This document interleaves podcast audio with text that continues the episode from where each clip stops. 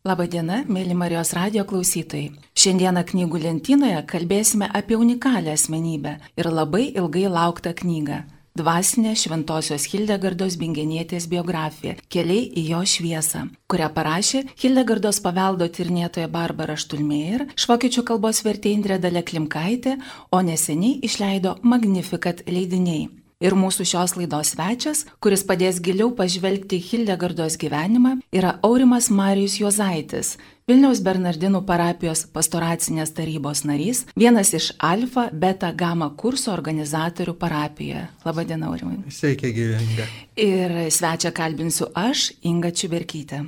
Vienuolė Benediktinė, mokslininkė, poetė, dramaturgė, kompozitorė, gydytoja, dailininkė, mystikė, 2012 metais paskelbta katalikų bažnyčios mokytoja. Daugybę žodžių galima pasakyti apie šią šventąją. Nors iki šiol lietuviškai neturėjome nei biografijos, nei išverstų jos veikalų, tačiau Lietuvoje daugybė žmonių žino šį vardą ir domisi šiuo asmeniu. Tad kas ji, šventoji Hildegarda Bingenietė? Štai toks pirmasis klausimas, Aurimai, kur aš ir jūsų noriu paklausti. Kas jums yra šventoji Hildegarda ir kaip jie atėjo į jūsų gyvenimą? Hildegarda yra iš ties unikali asmenybė. Ne tai, kad jinai labai senai gyveno, tai yra 11-12 amžiai.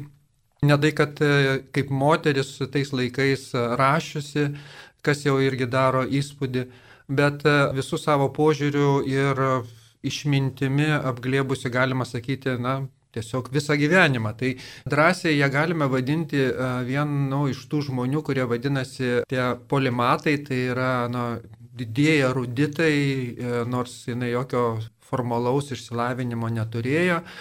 Visų pirma, dar universitetai tik tai, tik tai pradėjo kurtis tais laikais, viena vertus, kita vertus, kaip moteris, jinai tiesiog irgi neturėjo tos galimybės, aišku, studijuoti. Bet jos iš tikrųjų, na, dovanos, tai yra akivaizdžiai daro tokį įspūdį, kad jinai jomis nepaprastai gausiai dalinosi ir ačiū Dievui, čia tikrai labai tokia jau malonė didelė, kad labai didelis jos paveldas iš tikrųjų išliko praktiškai viskas. Tai jeigu tai pasakius į klausimą, kaip aš priemu Hildegardą Bingenietę, tai aš ją matau kaip na, vieną iš tokių didžiųjų bažnyčios stulpų, didžiųjų, tikrai, tikra to žodžio prasme, mokytojų, kas ir buvo pas, paskelbta 12 metais, tai iš kurios mes turime tikrai daug ko, daug ko pasimokyti. Visų pirma, tai pasimokyti, aš sakyčiau, to tokio visuminio, visą apimančio žvilgsnio į gyvenimą, į pasaulį, į save. Ir vat, jūs išvardinot, kiek jinai talentų turėjo ir kaip viskas, tiesą sakant, atrodo, reiškėsi tarsi atskirais pjūviais, bet kita vertus, jinai tą mokėjo susijęti savo darbuose, savo jau tose teologiniuose veikaluose, ar tai būtų gydimas, ar tai būtų muzika. Taigi šiuo atveju, ar tai būtų galų gale jos pačios kaip organizatorės išskirtinis talentas, čia dar reikėtų pridėti jos diplomatinį talentą, kas e, yra, irgi daro įspūdį, turint omeny laikus, e, turint omeny, kad jinai moteris, jinai rašydavo laiškus ir, ir imperatoriams, ir karaliams, ir didikams, ir patiems garsiausiams to laiko intelektualams, vienuoliams ir, ir popiežiui. Tai vienu žodžiu, e, tai iš ties, kai susipažįsti su jos biografija ir prisilieti prie jos palikimo, tai negali nelikti nustebęs ir susižavėjęs, kiek žmogus nuveikė per savo gyvenimą, turint omeny, kad jinai buvo silpnos veikatos, dešimtas vaikas šeimoje, bet e, vis dėlto nugyveno labai ilgą ir va, tokį kūrybingą gyvenimą. Ši Magnificat leidinių išleista knyga Keliai jo šviesą yra biografinė ir gana išsamei apriepia esminius Hildegardos gyvenimo aspektus. Čia mes galime skaityti apie jos vaikystę, apie mergaitį kilusias vizijas, apie tai, kaip ji pateko į vienuolyną, toliau knygos puslapiai veda mus per pagrindinius jos darbus, jos veiklas, na ir galiausiai gana išsamei yra aprašomas jos išėjimas. Kaip jums, aurimai, susidarė įspūdis, ar skaitant tą knygą mes galime pažinti Hildegardą? Ar, ar tai tik yra mažas žingsnelis į jos pasaulį, jos gyvenimą? Na, aš manau, kad kiekvienas pirmas susitikimas yra pradžia kažko. Tai. Ir jeigu šita knyga būtų, bus skaitytojams pirmoji knyga apie Hildegardą, tai yra tikrai puikus įvadas, puikus visom prasmėm ir kita vertus ne tik tai tiems, kurie a, tik pradeda pažindintis, bet kurie jau ir žino apie Hildegardą ir yra skaitę. Tai visų pirma, tai tikrai labai, kai sužinojo, kad šita knyga išeina, kad e, Magnificat leidiniai ją išleidžia, labai apsidžiaugiau, nes e, tikrai mes dėja nieko neturėjome iki šiol. Ir ačiū Dievui, kad šita spraga jau uh, užpildyta, uh, nes autorė tikrai labai talentingai perteikė jos epochą, uh, jos pačius pagrindinius gyvenimo etapus ir, ir jos kūrybą apžvelgia. Tai yra knygos apimtis nėra didelė, bet tai yra ir privalumas. Taigi šiuo atveju ir autoriaus vėlgi uh, talentas kad nedidelėje apimtyje paliesti ir parodyti tą, tas, galima sakyti, tų deimantų pagrindinės breunas. Ir tikra to žodžio prasme sužadinti tą tokį e, norą domėtis giliau. Tai aš manau, kad visų pirma, tai susipažinę su šitą knygą, perskaitę ją, žmonės tikrai, manau, kad bus truktelti domėtis daugiau apie šitą žmogų. Kita vertus, negaliu nepasakyti tokio pasidžiaugiančio pagiriamojo žodžio leidyklai, dėl to, kad labai gražiai išleista knyga. Jinai ir su meilė tokia, sakyčiau, netgi išleista. Puikus dizainas ir su jos jos vizijų piešiniais. Na, vienintelis tik tai trūkumas, kuris man čia truputį taip e, pasigėdau, tai kad e, tos vizijos visos turi savo pavadinimus. Tai jeigu dar būtų tas, tai čia, sakyčiau, būtų jau visiškai tobulumas. Bet nieko, čia tokia smulkmena. Bet iš tikrųjų knyga, knyga netgi galima sakyti gražu, e, gražus leidinys pats savaime. Ir, bet netgi spėčiau, kad ir galbūt ir pretenduosi gražiausios knygos titulą. Gali būti ir taip. Tai va, tai pažintis labai tikrai, sakyčiau, gera ir tikrai mano supratimu tokia užkabinanti labai. Na ir pati autorė, prisimenu, pratarmėje knygos įžangoje irgi rašo, kad kas pradėjo domėtis Hildegardos gyvenimu, tas vargiai galės sustoti, kaip ir jai atsitiko, kad štai pradėjo domėtis, gilintis į jos dvasinį paveldą ir tęsė toliau. Jūs, aurimai, labai gražiai kalbėjote apie Hildegardos intelektą, žinias apie tai, kad jį išsiskyrė gausiomis Dievo dovanomis. Iš tiesų, jį labai daug rašė apie mediciną, apie mokslą, apie religiją. Yra išlikusi jos labai gausi korespondencija, kuri irgi palieka mums, na, labai tokį didelę patirtį apie jos tos dvasinius patarimus tiek pasauliečiams, tiek ir tikėjimo žmonėms dvasininkams. Ir vis tik visi, kurie domisi Hildegardos gyvenimu, žino ir faktą, kad jos pasaulyje žiūra, jos teologija, jos vizijos sulaukdavo labai daug kritikos ir labai daug, na, tokio skepticizmo iš šono. Iš tiesų, mm. kodėl visa tai vyko? Ir, na, kyla toks klausimas, mes kalbame apie Hildegardą kaip apie mystikę. Ar tai yra mistikų kelias? Nesulaukti to, tokio, tokio požiūrio, na, šiek tiek nepritarančio iš šono. Na, iš tikrųjų, mistikų kelias praktiškai visada toks panašus kaip ir Hildegarda. Hildegardai, sakyčiau, labai pasisekė, jinai visų pirma, tai iki gilios senatvės, kas ir knygoje parodyta, toje keliai į jos šviesą, kad, na, jinai buvo pripažinta. Jinai, kita vertus, hierarchai tame tarpe, pradedant net popiežių, palaimino jos vizijų publikaciją. Tai čia irgi labai išskirtinis dalykas. Jinai, jai buvo leidžiama pamokslauti, irgi, kas moteriai tais laikais irgi tai toks išskirtinis dalykas. Kita vertus, jinai buvo keliaujanti pamokslininkė. Tai va, tai šiuo atveju tas pripažinimas jos buvo didžiulis, bet vis dėlto, ką jūs ir minėte, jinai susilaukė ir tam tikro, reiškėsi, netgi galima sakyti, suspendavimo gyvenimo pabaigoje, kas irgi knygoje aprašyta labai išsamei, kad, na, jos nepriemė.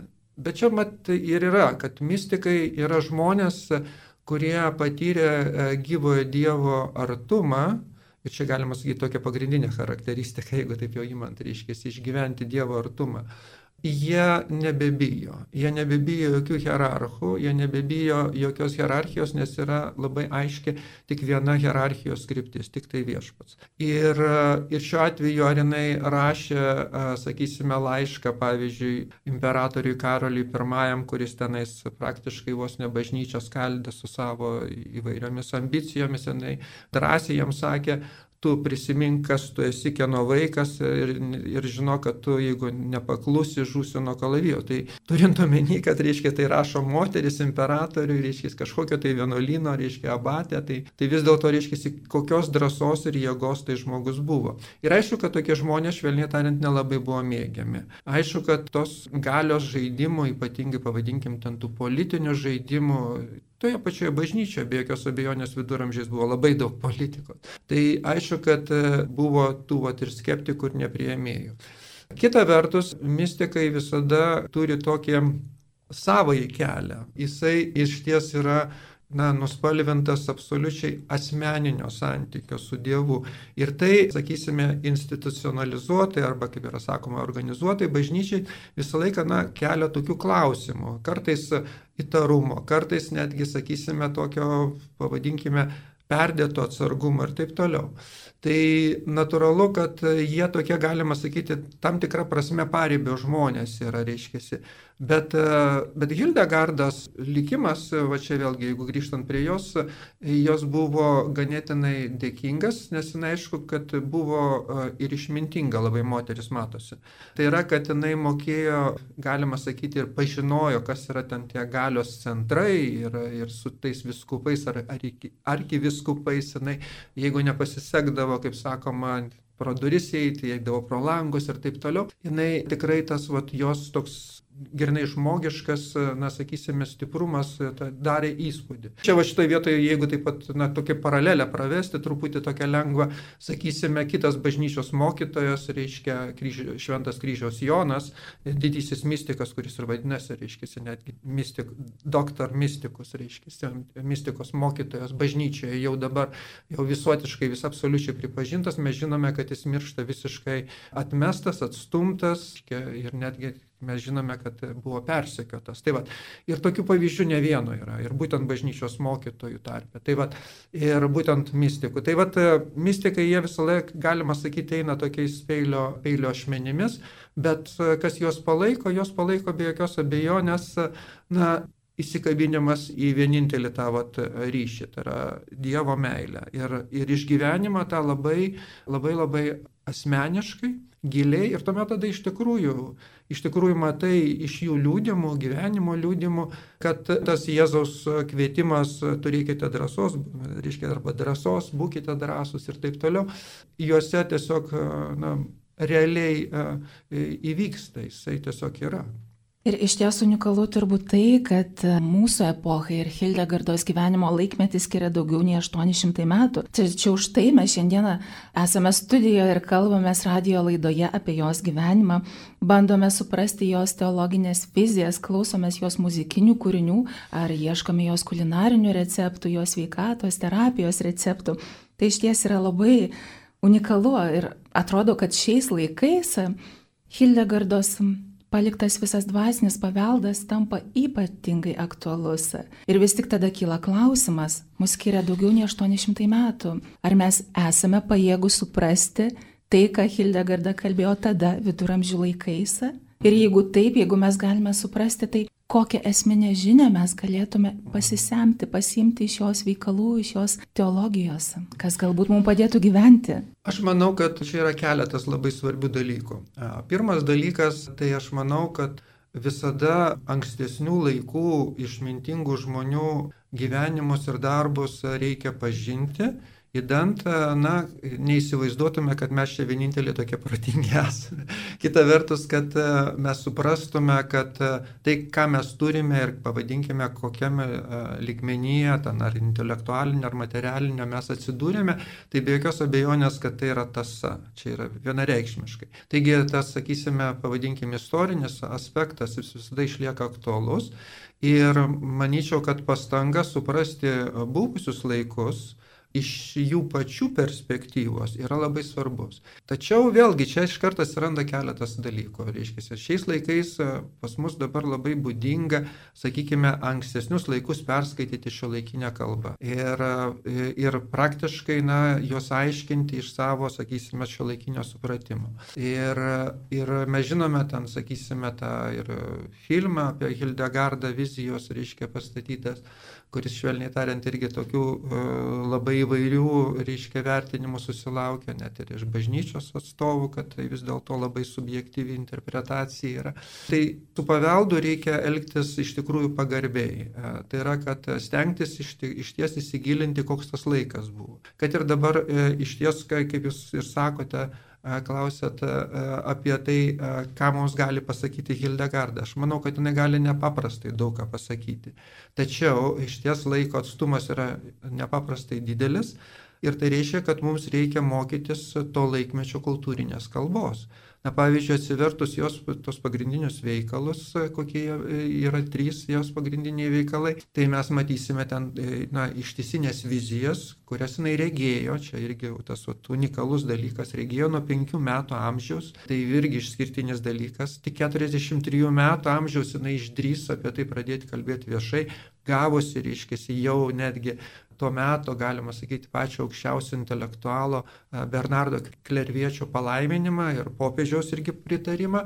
Ir tada atsiranda tas e, jos garsusis veikalas, pirmasis pažink Dievo kelius, skyvijas, kuriuose, jeigu taip mes pradėtume, tai pavadinkime, be komentarų skaityti, tai aš manau, dauguma mūsų sutriktume. Ta prasme, kad ten ištisinės vizijos, na, sakysime, tai, kas mums truputį galbūt pažįstama iš apokalipsės knygos, aišku, visiškai savitos, kitokios, na, palengvinimas tik tai yra tas, kad jinai pačias, pačias tas vizijas irgi teologizuoja ir komentuoja. Čia labai įdomus jos žanras yra. Bet kita vertus vėlgi e, ir tos komentarus reikia komentuoti, reikia suprasti, koks kontekstas buvo, kodėl tokia ir vienokia. Taigi, studijuoti būtinai reikia, gilintis tikrai reikia, nes, kaip sakau, labai svarbu, kad giliau save suprastum, pažinti ir tas, tą viską išlaiko perspektyvos. O kita vertus, na, pasiruošimo pastangų tikrai tam būtina turėti. Jūs jau užsiminėte apie Hildegardo simbolių kalbą, kuri regis yra tikrai daug paveikesnė, negu kad mes skaitytume racionalų į tekstą. O ar galėtumėte išskirti na keletą momentų, kuo ypatinga yra būtent ta simbolių ir vaizdinių kalba, kad galbūt tas, kas skaitys netgi biografinę knygą, mm. atkreiptų dėmesį. Iš tikrųjų, va čia dar, tiesą sakant, pratestant ir atsakymą į, į prieš tai buvusi klausimą ir į šitą atsakinėjant, kuo Hildegarda na, daro įspūdį. Jis daro įspūdį savo sistema, sistematiškumu. Tokia, jinai iš ties pateikia gyvenimą, gyvenimą tokią na, sistemiškai, visybiškai.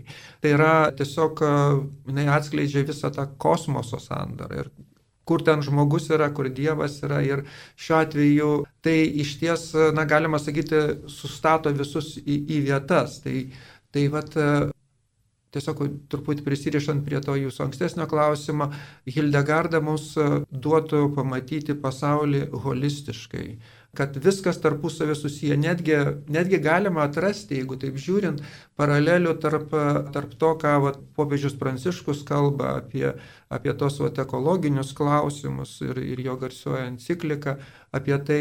Ir šiuo atveju tai, ką kalbėjo Hildegarda, netgi tam tikras paralelės. Tai va čia galima sakyti taip aktualizuojant vieną vertus. O kita vertus, iš ties pas ją labai, na, sakysime, tėvo ir piešiniai, kurie kurie buvo piešiami jos vienuolių, jai prižiūrint, reiškia, kaip sakoma, nors kai kurių jau paskutinio veikalo atsirado, jie jau ir po jos mirties tose rankraščiuose, bet su kropščia jos instrukcija. Tai iš ties mes matytume tą tokią, sakysime, rato ir, reiškia, tokio visą apimančio, reiškia, simbolį, kuris ten paskui tampa, reiškia, jau to vadinamo kosminio kiaušinio pavydalu, iš kurio išsirita viskas. Tos tikrai vizijos tokios yra, na, įspūdingos ir, ir, ir tie, tos piešinius, kas yra matę, aišku, internete, tai jos pasižiūrėti nesudėtinga ir knygutėje jos yra. Iš tikrųjų, tai tikrai, e, tikrai rodo, na, sakysime, tokią labai, mes pasakytume, lakę vaizduotę, bet, bet jinai ne tiek lakė vaizduotė, kiek jinai, sakyčiau, taip labai drausminga vaizduotė. Mums dabar žiūrint atrodo tie dalykai tokie nesuprantami, bet viduramžių žmonėms e, tie simboliai būdavo žymiai lengviau perskaitomi, aišku. Tai va. Aš radio klausytojams norėčiau dar irgi pacituoti pačios Hildegardo žodžius, kuriuos radau laiškė Šventam Bernardui, kaip ji labai gražiai pati vaizdžiai aprašo, na iš kur kyla jos vizinė, e, simbolinės vizijos. Štai ką ji rašo. Regėjimas įtraukia visą mano būtį. Matau ne tik kūno akimis, Visa pasirodo slėpinių dvasioje. Suvokiu gilėje prasme to, kas pasakyta psalminė, evangelijose ir kitose knygose, kurios man buvo parodytos regėjime. Tai mano krūtinė ir sieloje dega kaip liepsna ir moko mane giliai suprasti tekstą.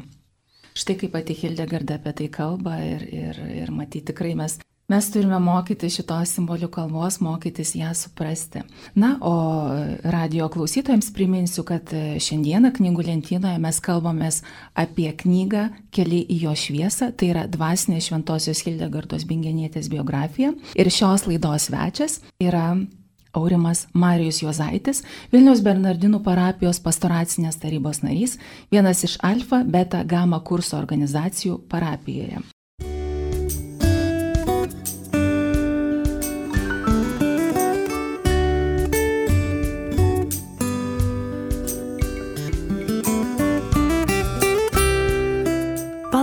Jums laiko su Marijos radiju. Aurimo jūsų mintis labai tokios gilios ir manau tikrai skaitytojams busimiems šitos knygos padės, na, labiau suprasti jos biografiją, labiau, labiau suprasti, ką knygos autorė norėjo mums perteikti. Tai, tai tikrai esu dėkinga už jūsų to, tokį išsamų paaiškinimą. Ir tuomet Noriu jūsų paklausti to, kas man visą laiką kirbėjo skaitant šią knygą. Kaip Jūs vertinate tai, kad Šventojios Hildegardos darbais, ypatingai jos gydimų žolelėmis, mineralais, jos terapija domisi vadinamo New Age judėjimo žmonės. Ir atsitinka taip, kad jie na, ištraukia kaž, kažkokią mažą dalelę iš konteksto ir interpretuoja savaip. Ar mes galime jos praktinius darbus suprasti be jos teologinių vizijų? Ar neatsitiks taip, kad iš tikrųjų, na, ištraukdami kažkokį tai vieną, vieną momentą, mes tiesiog nuskurdinsime save ir uždarysime duris į tą gilesnį patyrimą, gilesnę patirtį, kurią iš tikrųjų galime gauti susitikę su Hildegarda. Dėkui iš klausimą, iš tikrųjų klausimas yra, na, galima sakyti, beveik atskira visa laida, nes e, New Age ideologija e, iš ties, e, na, šiuo atveju konfrontuoja konfrontuoja su, su bažnyčios mokymu ir apskritai, sakyčiau, e, autentišku dvasingumu, nes jisai iš ties e, Neidžio ideologija vis dėlto yra agresyvi. Kuria prasme agresyvi? Kaip jūs ir pati paminėjote, jinai mėgsta tik fragmentus ir patinka tik tai tie fragmentai, kurie jie yra naudingi. Aš noriu pabrėžti žodį naudingi, netgi ir piniginė prasme. Tai, va, tai, tai yra čia liūdnoji pusė. Reiškia, šitas, šita visa, na, sakysime, kryptis, aš nenoriu pasakyti, kad visas šita, šita idėjinė linija, reiškia, ten, sakysime, pelną akcentuoja, bet, bet kita vertus, jinai stengiasi šitą idėjinę liniją sukurti, pavadinti, pavadinkime, patogią, nefrustracinę, dvasinę, na, sakykime, buvimo terpę, neaugimo, bet tiesiog, vat, sakysime, na, pasi, pasitenkinimo tam tikrą, pasiskonėjimo, pasigrožėjimo. Iš tikrųjų, Hildegardos, pavyzdžiui, muzika, jinai unikali ir išskirtinė tuo, kad jinai kitokia negu kad, reiškia, grigališkasis, kuris tuo metu jau egzistavo. Jinai kūrė savaip ir visi tą pripažįsta. Ir muzikai tą, tą labai pabrėžia, kad jos išskirtinės, tos tonacijos yra. Ir jie galima tiesiog muzikinio požiūrių, e, sakykime taip, mėgautis, skonėtis, bet jeigu, e, jeigu šiuo atveju, na, sakysime, neįvertinim Kokie tekstai jos, tarp kitko, pačios kurti irgi unikalūs ir irgi ta labai specifinė jos lotynų kalba, kuri, kurie, kurios jinai nesimokė, taip kaip pavyzdžiui mokėsi vyrai vienuoliai, reiškia. E, jinai tiesiog ją atmintinai išmoko, e, reiškia, gėduodama psalmes ir paskui jau konstravo savo kalbą. Tikrai to žodžio prasme konstravo. Jinai netgi naujadarus kūrė. Taigi jos kalba, aišku, tie, kurie išmano lotynų kalbą, jie gali įvertinti, ant kiek jinai yra unikali, įdomi įdomi ir, ir tokia labai, na, sakysime, atverinti dar papildomus klodus. O kita vertus, jeigu paleidai iš akiračio, kad e, tai viskas yra skirta viešpatė šlovinimui e, ir jos apskritai reiškėsi tas santykis, sakysime, per muziką, kad e, tik tai, tik tai mišos gali būti išgėdojamos, tai yra, kad iš, iš esmės atsiverti Dievui ir kvepuoti Dievu galima tik tai per tai, kada žmogus iš tikrųjų plačiai atveria savo burną, tada, kada jisai kvepuoja pilna krūtinė ir atiduoda savo garsais šlovinimą. Tai vad šitoje vietoje, aišku, kada kažkas tai pasiema, ar tai būtų New Age'as, ar tai būtų kokia kita, sakysime, pavyzdžiui, e, na, samprata, e, reiškia, Tai aišku, kad e, tik tai dalelė ir visada dalelė, kaip gaunasi, dalelė kartais gali gautis Geriausiu atveju, sakysime, tik tai dalinė, reiškia, nu, vat, kažkiek. O blogiausiu atveju jinai gali būti sukompromituota tiesiog, reiškia, apversta aukštingalami ir taip toliau. Aš esu skaitęs, pavyzdžiui, sakau, tokį keistą interviu, kur, kuriame šiuolaikinė autorė kalbėjosi su Hildegarda, kaip jinai ją supranta, su tokia, sakyčiau, radikalia feministė. Nu, tai švelniai tariant, skamba labai šiuolaikiškai, skamba, sakyčiau, netgi provokatyviai, bet absoliučiai absurdiškai, nes, nes tikrai visiškai, na, kito toks moters e, santykis buvo su pasauliu ir, ir moteris vienuolis visai kitaip tą viską priimdavo, pasaulietės moteris dar kitaip ir taip toliau. Visko buvo, aišku, ir ne pačių geriausių dalykų mes žinom, bet Bet taip negalima elgtis, taip negalima su paveldu elgtis. Tai va šitos ideologijos iš tikrųjų, e, iš tikrųjų e, kuo jos, sakyčiau, e, na, pavojingos, tikra ta žodžio pavojingos, todėl kad jos agresyviai interpretuoja paveldą, agresyviai pagal savo supratimą, kuris dėja, už kurio kartais netgi gali pastebėti, kad, na, sakysime, tokios labai savanaudiškos idėjos kyla. Ir čia va šitoje vietoje vėlgi negaliu nepaminėti, kad pavyzdžiui pats terminas mistika e, yra e, dar mūsų, netgi ir šiais laikais tikinčiųjų tarpe priimamas nu, su tokiu kažkokiu atsargumu, kad čia, vat, nes žodį mistika labai pasi, pasisavino ten mistiniai trileriai, detektyvai visokie, kurie tenais kažkokius tai baubus siaubus rodo, reiškia visokias būtas, nebūtas, kažkokias tai būtybės ir taip toliau. Ir jie įsivaizduoja, kad čia jau ta vadinamoji mistika, čia iš tikrųjų ne mistika yra, čia yra iš tikrųjų mistifikacija. Nes mistika yra žodis nuo žodžio nuščiūti, nutilti, užsičiaupti, nekalbėti. Tai reiškia, netriukšmas ten turi būti, net tie sprogimai ir šaudimai, kurie, sakysime, tenais, pavyzdžiui, filmuose, aš nežinau, kas ten tose knygose jau darosi, bet e, filmuose tenka kartais pamatyti. Tai va tai Tai, tai yra visiškai absoliučiai priešingas e, linija. Tai yra, kad, e, nes jeigu taip žiūrint, tikroji mistika savo pagrindu yra nukreipta į dalinimas, į dovanojimą ir davimą. O ta netikroji mistika yra visą laiką nukreipta į pasisavinimą, į tą vat, simonijos efektą, kad reiškia nusipirkti galę. Nes mistika iš tikrųjų yra gale. Gale turėti ryšį asmeninį su tuo, kas yra aukščiau tavęs. Ir va šitoje vietoje tie visi spiritualistai arba tenais New Ageriai, jie nori išeiti ir turėti kanalą tą, į tą galę, bet aišku turi intenciją, švelniai tariant, vat, to tokio ėmimo, bet nedavimo. O čia vat, yra visiškai priešingai. Ir mes pasižiūrėsime bažnyčios didžiosios mokytojus. Tai sakysime tą pačią Hildegardą arba, pavyzdžiui, kryžiaus Joną arba, sakysime, Teresę Vilietę. Visi, visi jie, reiškia, jie visi mystikai buvo.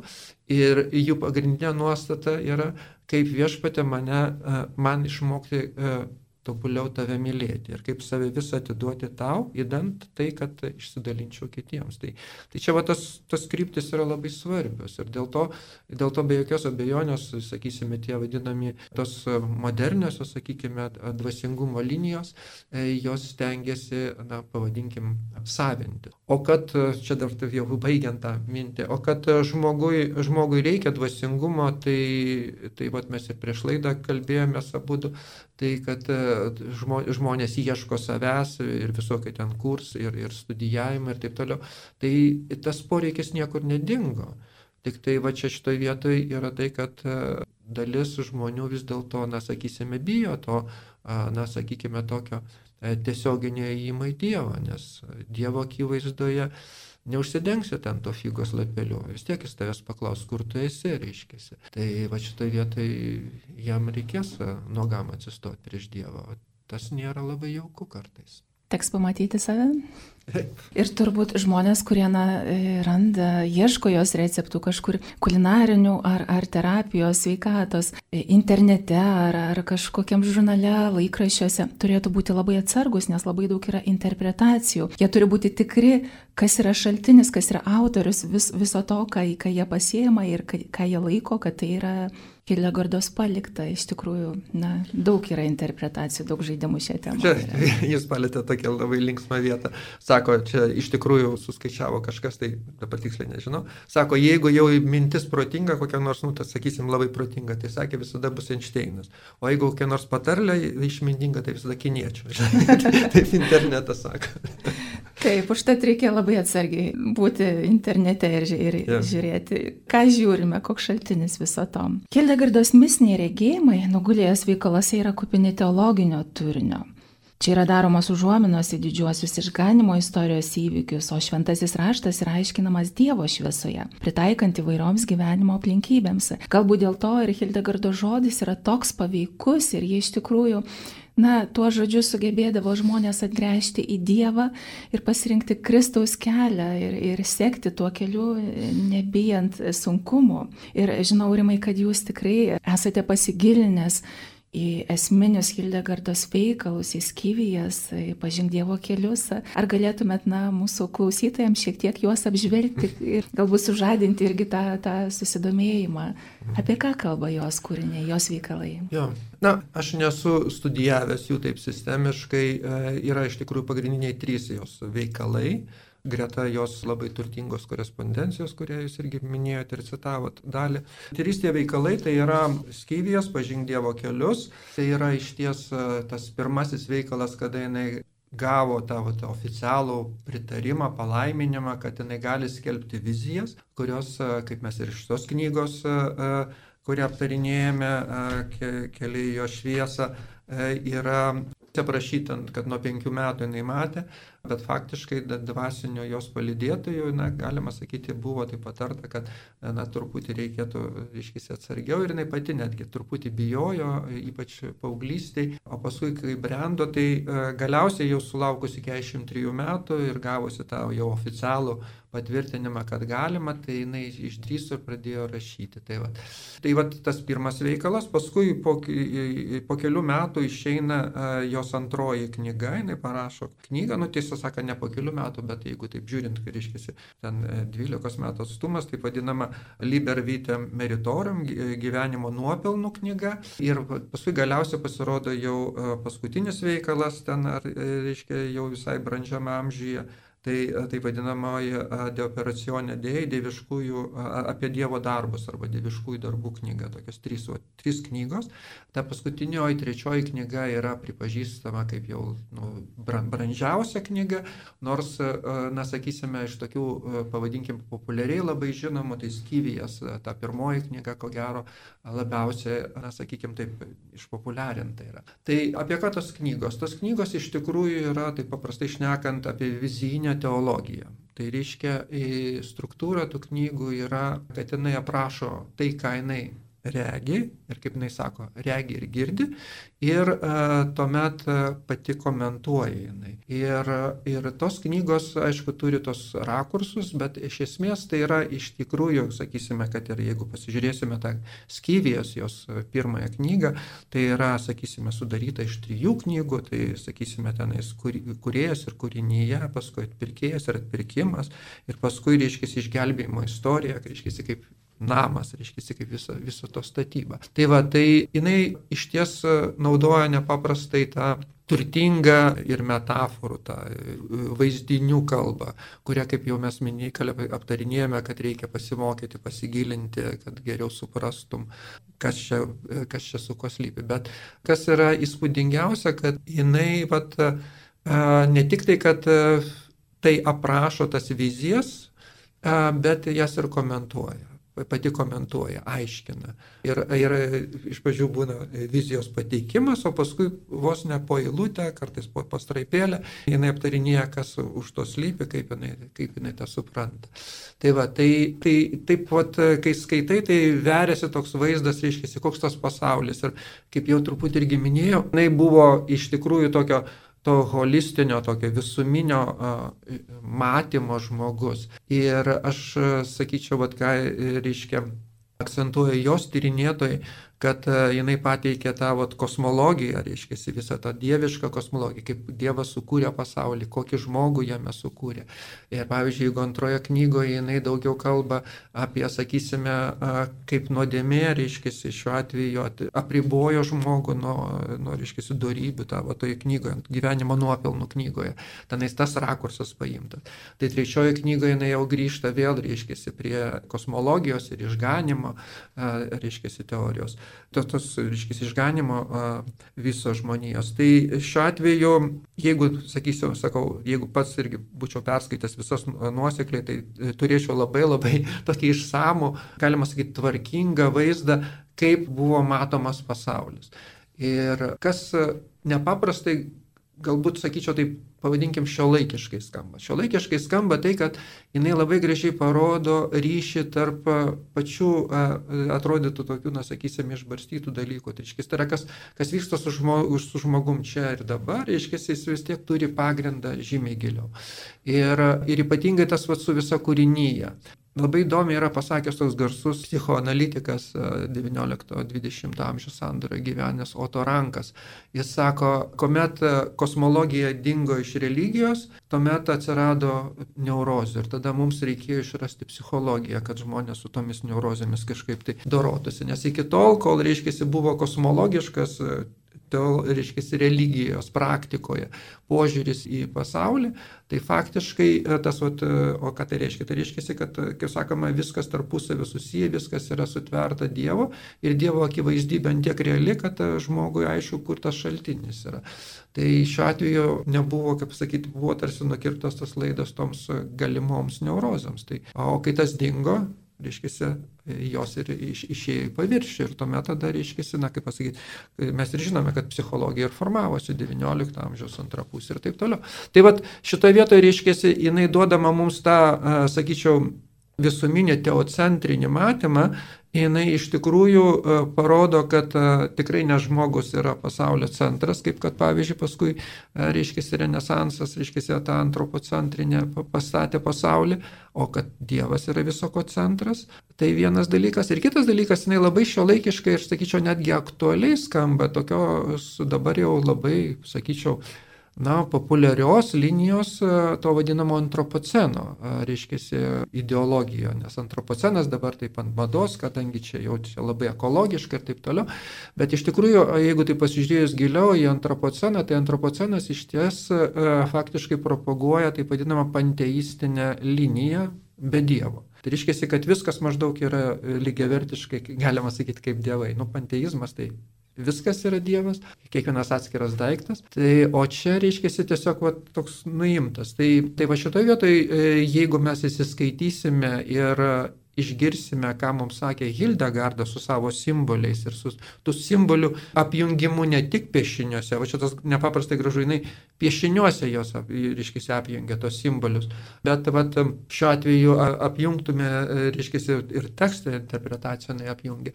Tai vat, mes iš tikrųjų suprastume, na, galima sakyti, visus tos pagrindinius procesus, kodėl jie vyksta. Tai jinai prie jų prisilietė ir, ir atitinkamai, atitinkamai aš sakyčiau, kad tikrai labai paliko didelę dovaną mums. Na, mums belieka tikėtis, kad vieną dieną jos, jos darbai bus išversti į lietuvių kalbą ir mes galėsime gilintis į juos. Ir jeigu grįši prie Magnificat leidinių išleistos knygos Kelyjo šviesą, Ar buvo kuri knygos vieta, kuri, na, ypatingai patraukė jūsų dėmesį ir jūs gal ilgiau staptelėjote ar vis sugrįžti, norėdavote sugrįžti prie šitos vietos? Mm. Mane iš tikrųjų taip pat, iš tikrųjų sulaikė ir galbūt truktelė.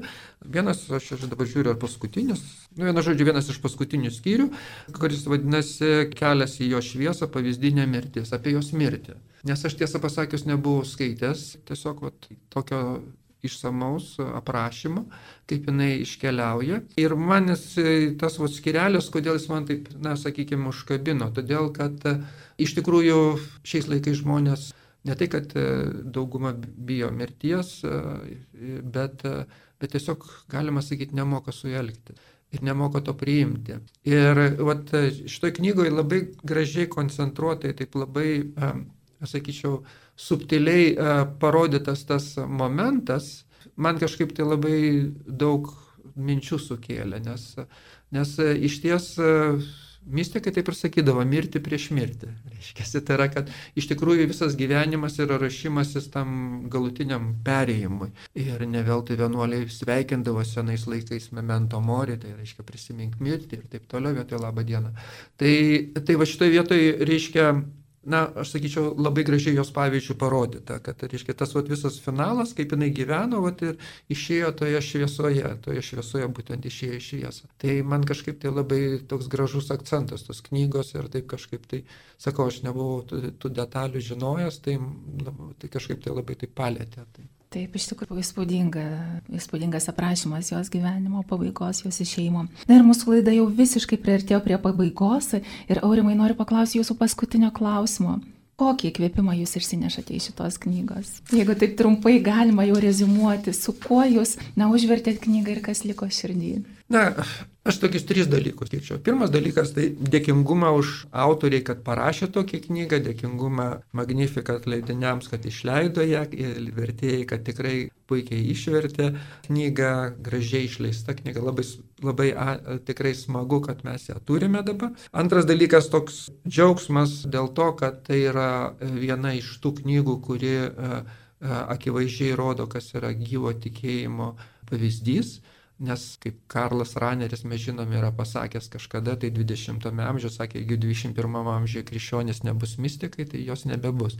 Tai reiškia, jeigu neturėsime gyvo, patyri, gyvo Dievo patyrimo. Tai va šitoje vietoje šita knyga tikrai rodo, kaip tas kelias e, gali būti.